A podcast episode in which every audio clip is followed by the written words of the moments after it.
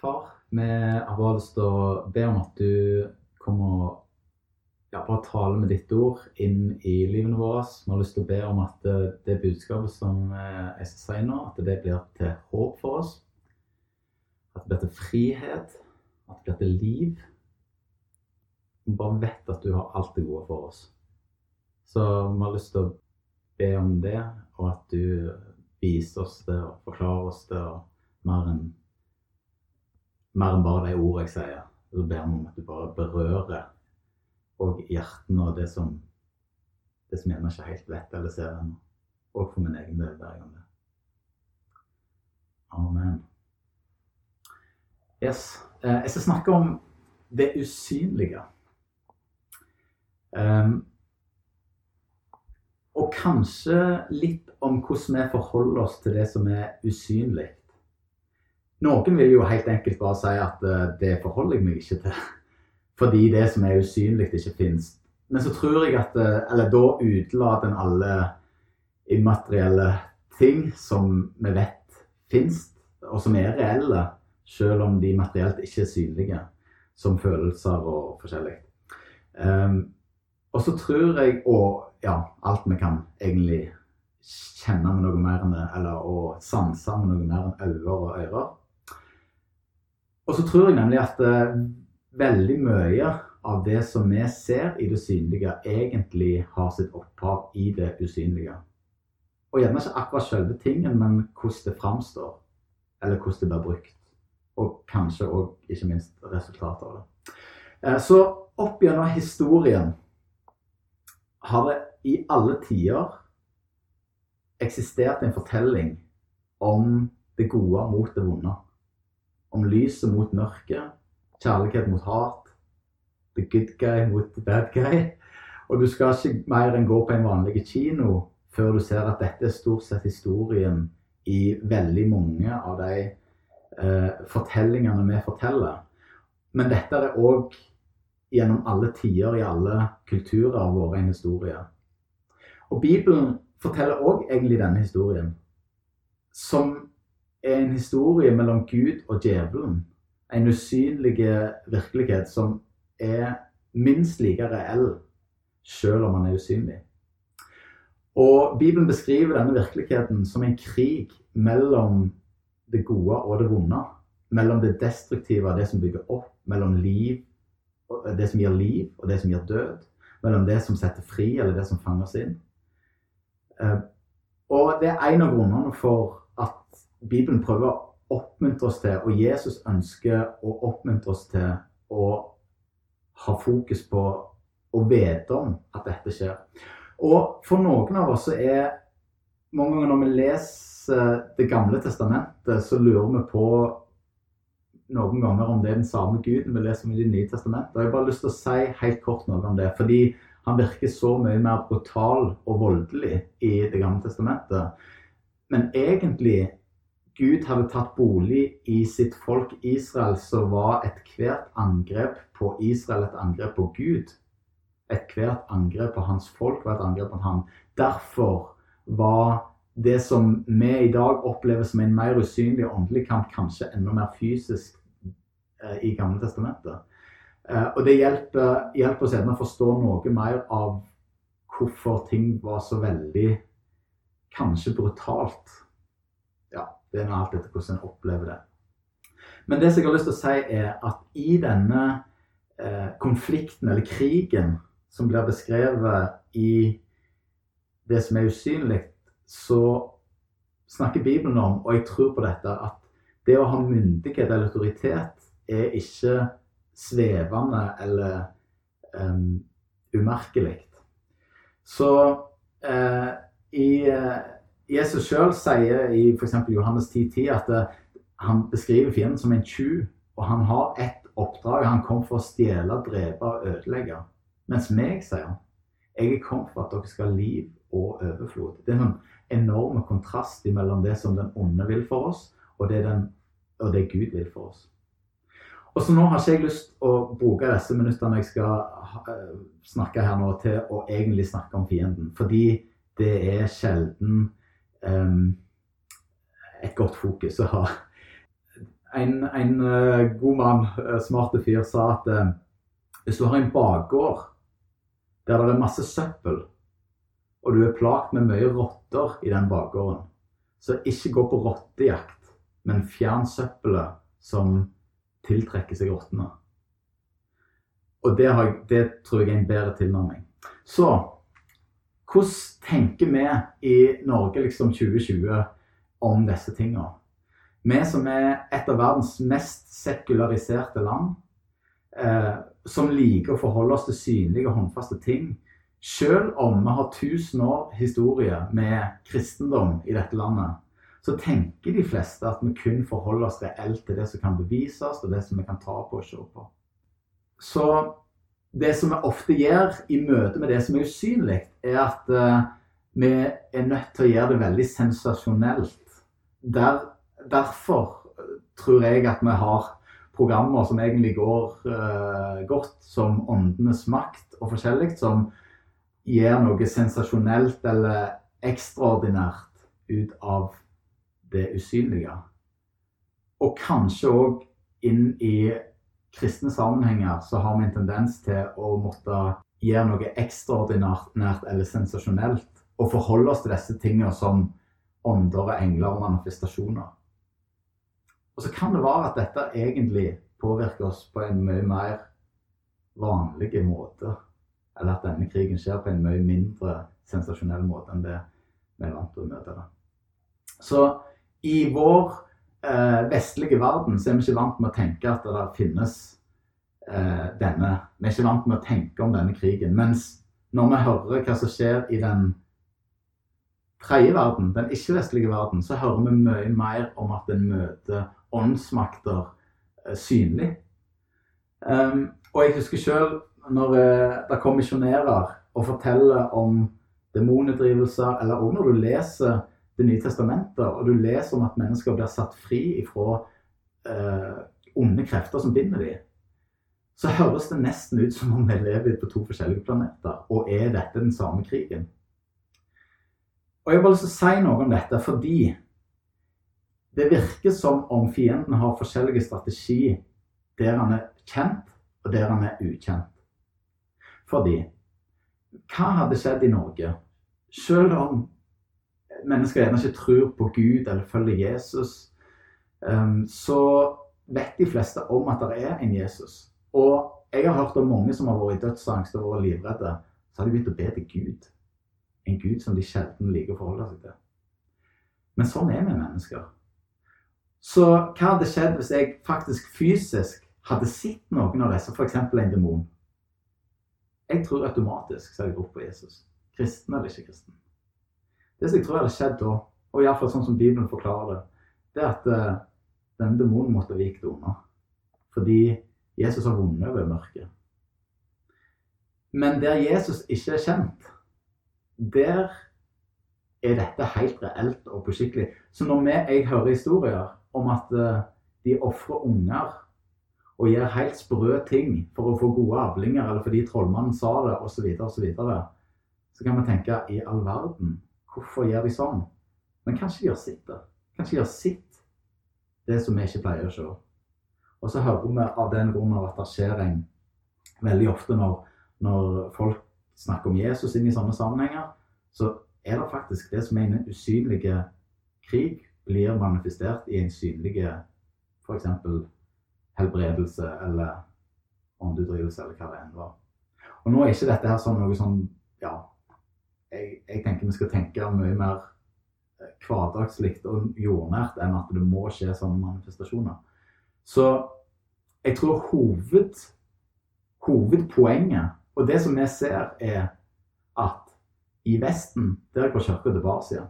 Altså færre og færre følger Jesus. Mens i den tredje verden, der, der går kirka fram. Det virker som om fienden lykkes med sin usynlighetsstrategi hos oss, og det virker som om han mislykkes i den tredje verden.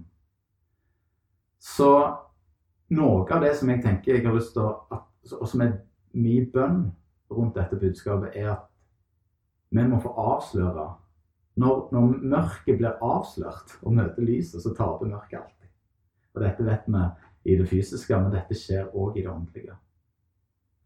Så jeg tror hovedmålet til fienden det er å passivisere oss så mye at vi på en måte bare blir passive og nunne i forhold til Eller i stedet for å ta ting fram i lyset. OK. Så det fins en krig. Det fins en kamp. Hva er status i denne krigen? Status quo. Og dette er ekstremt gode nyheter. Nå vil jeg du skal skikkelig høre etter. Dette er statusen i krigen. Jesus hang på korset på Golgata for 2000 år siden, og så ropte han ut Nå er det fullbrakt. Og han overvant døden. Han vant over synd. Han knuste all sykdom, all skam, all skyld. Han knuste fienden. Og han vant. Så det står at gjeldsbrevet som vi hadde, det har han tatt vekk fra oss. Når han nagla det til korset.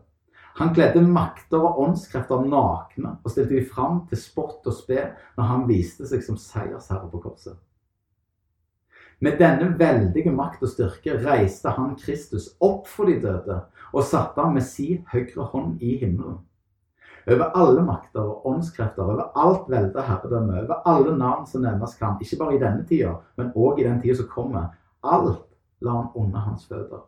Og han, hodet over alle ting, ga han til kirka. Og det er oss som er Kristi kropp, fullt av Han som fyller alt i alle. Så noen ganger tenker vi burde jo bare forstått dette har han gitt oss. Og så står det videre i Kolossan 2. For i hans kropp bor hele guddomsfylden, og i ham, som er hodet ved alle makter og åndskrefter, har dere fått denne fylden. Og Jesus, noe av det siste han sier til disiplene sine, han sier jeg har fått all makt i himmel og på jord. Derfor kan vi gå og gjøre folk, mennesker til disipler. Så Jesus vant. Fienden er beseira. Djevelen har tapt. Ja, men hvorfor i all verden er han ikke ute av bildet ennå? Hvorfor i all verden har han ennå ting og tang han kan gjøre? Hvordan, og bare for å ha sagt det, han er ikke ute av bildet ennå, men seieren er vunnet. Og, og, og det som er bildet altså, Dere har prøvd å filmatisere dette mange ganger. og Jeg syns kanskje noen av de som filmatiserer dette best, er 'Ringenes herre', som faktisk er en filmatisering egentlig av denne krigen. Tolken var en kristen mann som prøver å beskrive dette. Og hvis, hvis du ser for deg at det, det er en hær som går til kamp mot en annen hær, så er det på et eller annet tidspunkt så overvinner de denne hæren. Og det som skjer med den andre hæren som er overvunnen, det er at han, er, han, han går til retrett og er på vei på en måte på flukt. Det er situasjonen nå. Djevelen har tapt, og han er på flukt. Og han vet hvor han er på vei hen. Han vet at det er en evig ildsjø i møte for han og alle hans, som var tiltenkt hans og han, hans engler. Og det var interessant når Jesus møter f.eks. han møter en mann med disse gravhulene. Han er besatt av ei ond ånd så sier de onde åndene i møte med Jesus Hva vil du oss, du Jesus, Guds sønn? Så de bekjenner hvem han er. Messias, liksom. Er du kommet før tida, sier de. Og så kan vi begynne å lure hva, hva, hva, er det de snakker om? Hva er det de før tida? Hva tid er det de, de vet noe som gjerne ikke vi er klar over, men som Jesus vet veldig godt. De vet at det kommer ei tid der de skal være den plassen som var tiltenkt dem fordi all ondskap skal, skal forgå. Så det er situasjonen. Han er på retrett og på flukt. Han vet han har tapt. Um, og så er spørsmålet vet vi at vi har vunnet. Fordi hvis vi ser f.eks. i Norge, da. Hva er det som skjer i Norge? Ja, det er jo færre og færre kristne, og mer og mer på en måte fjernt å tro på Gud. Det er mer og mer eh, forståelig å ikke tenke at Guds ord er noe å liksom tro er sant, osv. Um, så det ser jo ikke ut som om Gud har vunnet. Jeg har bare så lyst til å si Gud vant. Jesus vant denne krigen. Og fienden er livredde for at vi skal faktisk vite det og leve i det. Og Et godt eksempel for meg er faktisk det som skjedde i Norge 8. mai 1945. Frigjøringsdagen vår. Hva skjedde den dagen? Jo, det gikk en melding ut. Altså, I gatene i Norge på den tida så gikk tyske soldater med gevær og, og, og fullt utrusta. Og så hører jeg en melding på en radio fra London at Hitler har kapitulert. At fienden er overvunnet. Og så er det noen Og nå bare, bare sånn Hvis ingen hadde våget å trosse det de så i gatene, ta det som var ulovlig, nemlig det norske flagget, og gå ut i gatene og rope 'Vi har vunnet!' Så kan det være vi gjerne hadde gått bonde av og underdanna tyskerne den dag i dag. For noen vågte å si det. Selv om det trossa med det de så. For de hørte bare et budskap. Og jeg tror fienden er livredde for at vi skal være klar over å leve i det som er sant. Derfor tror jeg Jesus sier Den som hører ordet mitt uten å gjøre etter det, han bygger på steingrunn. Fienden er livredde for at vi skal våge å gå i tro på det, være lydig mot det Jesus har sagt, fordi han vet han har tap der. Så hvis han kan bare gi meg nok tanker til at jeg ikke våger å gå i tro, ikke våger å gjøre det som Jesus har sagt, det som faktisk holder, det som faktisk stemmer, og at jeg får en erfaring av at Jesus er Herre, at han vant over de mørke tingene Ja, hvis han kan passifisere meg nok, så har han vunnet. Så hvordan gjør han det? Ok, jeg vet at ord det kan forandre enormt mye. Det har forandra enormt mye i mitt liv. Ordet for Gud, det skaper det det sier. Så det, det, det, er jo liv. Det er jo helt Det er jo Det er så mange av oss som har så mange interessante erfaringer med det. Så noen ganger så blir jeg gjerne sånn minnet om Å, du skal ta en samtale med hun, eller du skal oppmuntre han, eller du skal sende en melding til han om at uh, han betyr noe, eller at han, uh, du er glad i han, eller sånn og sånn. Og vet du hva som skjer oppi hodet mitt da? Da får jeg ganske mange sånn mottanker mot det. Nei, du må ikke sende sånne klissete meldinger til en annen mann. Det er jo bare pinlig. Eller du må ikke de, Hun trenger ikke høre det. Hun vil bare synes du er rar. De har nok med seg sjøl. Nå må du tenke på ditt, og så får de tenke Og så, du vet vi trenger ikke så veldig, Jeg trenger iallfall ofte ikke så veldig mange sånne tanker før jeg har lagt hele prosjektet på is. Og så kommer aldri det ordet fram. Dette er bare et enkelt eksempel. Men det er noe med Og nå skal jeg lese et ord som jeg tror er på en måte det siste fienden har igjen i sin retrett. Hvis dere er med hvor vi er i bildet her. Og Det står i 2. Korinterbrev, kapittel, kapittel 10, eh, vers 3, og der står det for, og det er Paulus sier, velger vi fram på menneskelig vis, men vi kjemper ikke med menneskelige midler. Våre våpen er ikke fra mennesker, men har sin kraft fra Gud og kan legge festninger i grus. Vi river ned tankebygninger og alt stort og stolt som reiser seg mot kunnskapen om Gud. Vi tar enhver tanke til fange under lydighet mot Kristus. Så her, her beskriver Paulus at det, der er eh, det finnes noen festningsverk, er ordet han bruker. Strongholds på engelsk. Altså festningsverk av, som, som, som, inneholder Det er egentlig tankebygninger. Det er ikke bare en enkel tanke eller en, en løgntanke eller en ja, Nei, det, det, er tankebygninger. Et system av tanker som gjør at jeg alltid tenker sånn. En tankemåte mer enn bare en, en enkel tanke. Og bare for å ha sagt det, da. Alt jeg og du gjør, med ting vi sier og, og, og de valgene vi tar, de gjør vi stort sett ut ifra hvordan vi tenker. Det betyr at måten vi tenker på, det er helt avgjørende. Og da har jeg lyst til å si at det er en som ønsker å få oss til å tenke løgn og destruktivitet, egoisme, selvsentrerthet. Og så er det en som ønsker det motsatte. Tenker raushet, han vil gi oss frihet osv. osv. Og bare for å si, Hvis du prøver liksom å zoome ut Hvordan har det seg f.eks., og dette er noe av det mest tragiske jeg hører om, når et menneske kommer til den konklusjonen at det smarteste jeg kan gjøre nå, det er faktisk å ta mitt eget liv. Hva er det som skjer? Er det blitt påført mye liksom, eh, eh, fysisk vondt plent? Jeg tror Veldig ofte så handler dette om at det er en haug med destruktive tanker. Men jeg tror ikke at det er bare én tanke. Nei, jeg tror det er et system av tanker som en vikler seg inn i, som gjør at en til slutt kommer til en så tragisk konklusjon. Og vet du, jeg tenker dette er ren, pur ondskap. Og det handler om tankene våre. Og så er det en som ønsker at tankene våre skal gå til som, vi, vi, Det står her at vi kan ta enhver sånn tanke til fange, står det. Under lydighet mot Kristus. Jeg skal bruke ett eksempel fra mitt eget liv. Jeg hadde en periode eh, Jeg jobbet som avdelingsleder i et firma, og så hadde jeg en periode der jeg plutselig begynte å tenke veldig destruktivt. Og jeg begynte å tenke worst case scenario i nesten alle ting som skjedde. Og det var mørke tanker og pessimistiske tanker.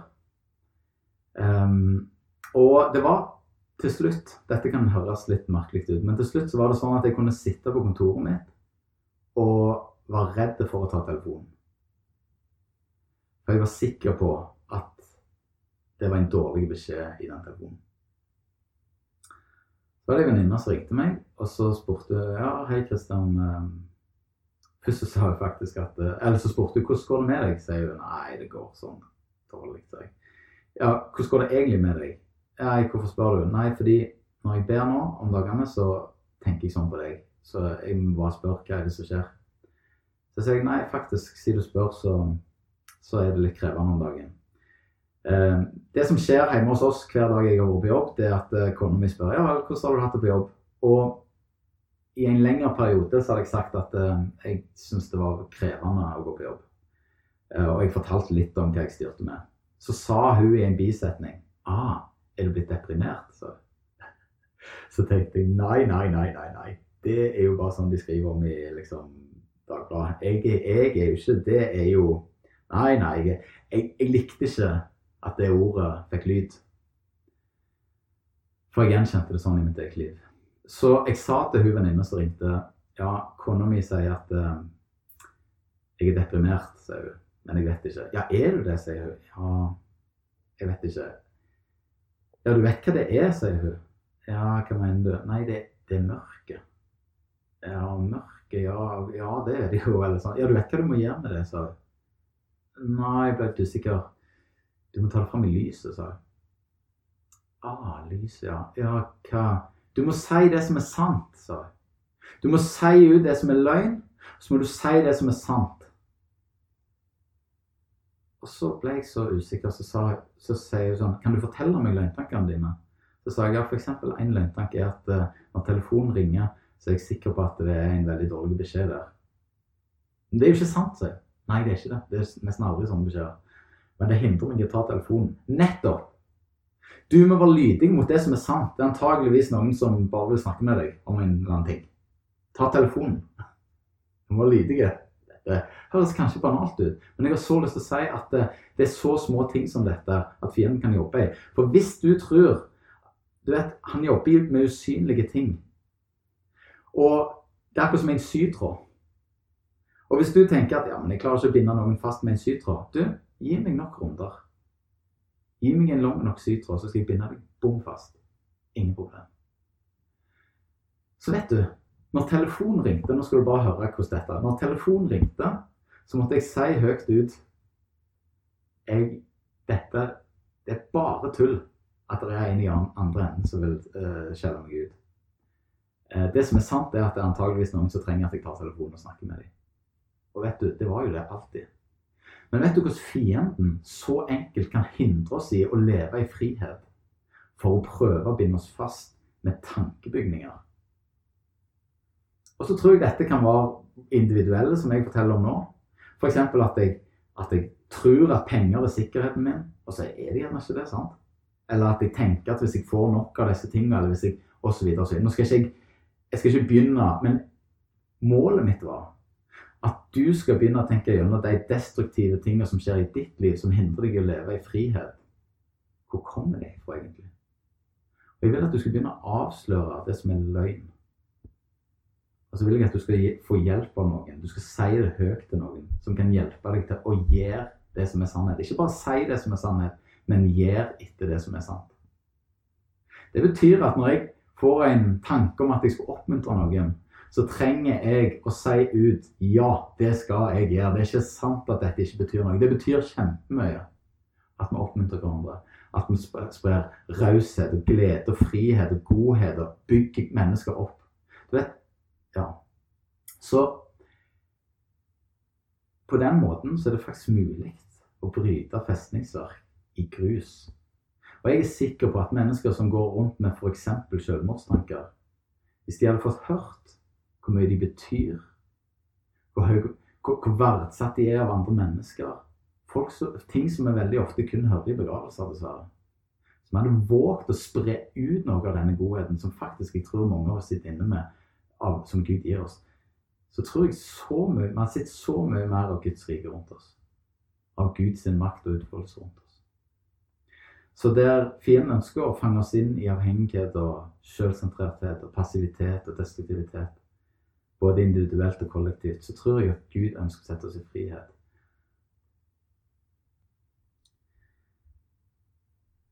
I andre Korinterbrev, kapittel 4, så står det i vers 16-18 Derfor, sier Paulus, mister vi ikke motet. For selv om vårt ytre menneske går til grunne, blir vårt indre menneske fornyet dag for dag. De trengsler vi nå må bære, de er lette, og de skaper for oss en evig rikdom og herlighet som veier uendelig mye mer. Og vi har ikke det synlige for øye, men det usynlige. For det synlige det tar slutt, men det usynlige er evig. Jeg har så lyst til å oppmuntre oss til. Det finnes noe som er mer verdt enn det vi ser, og som påvirker det vi ser. Og vi trenger å bli klar over den krigen, og ikke minst så har jeg lyst til å sette mot i oss til det er noe som kommer en dag der dette skal bli synlig for oss og åpenbart for oss. Derfor trenger vi både å investere i det som er kommer, og som er usynlig, og vi trenger òg å bruke de eh, våpnene eller å overvinne det som Jesus allerede har gjort tilgjengelig for oss.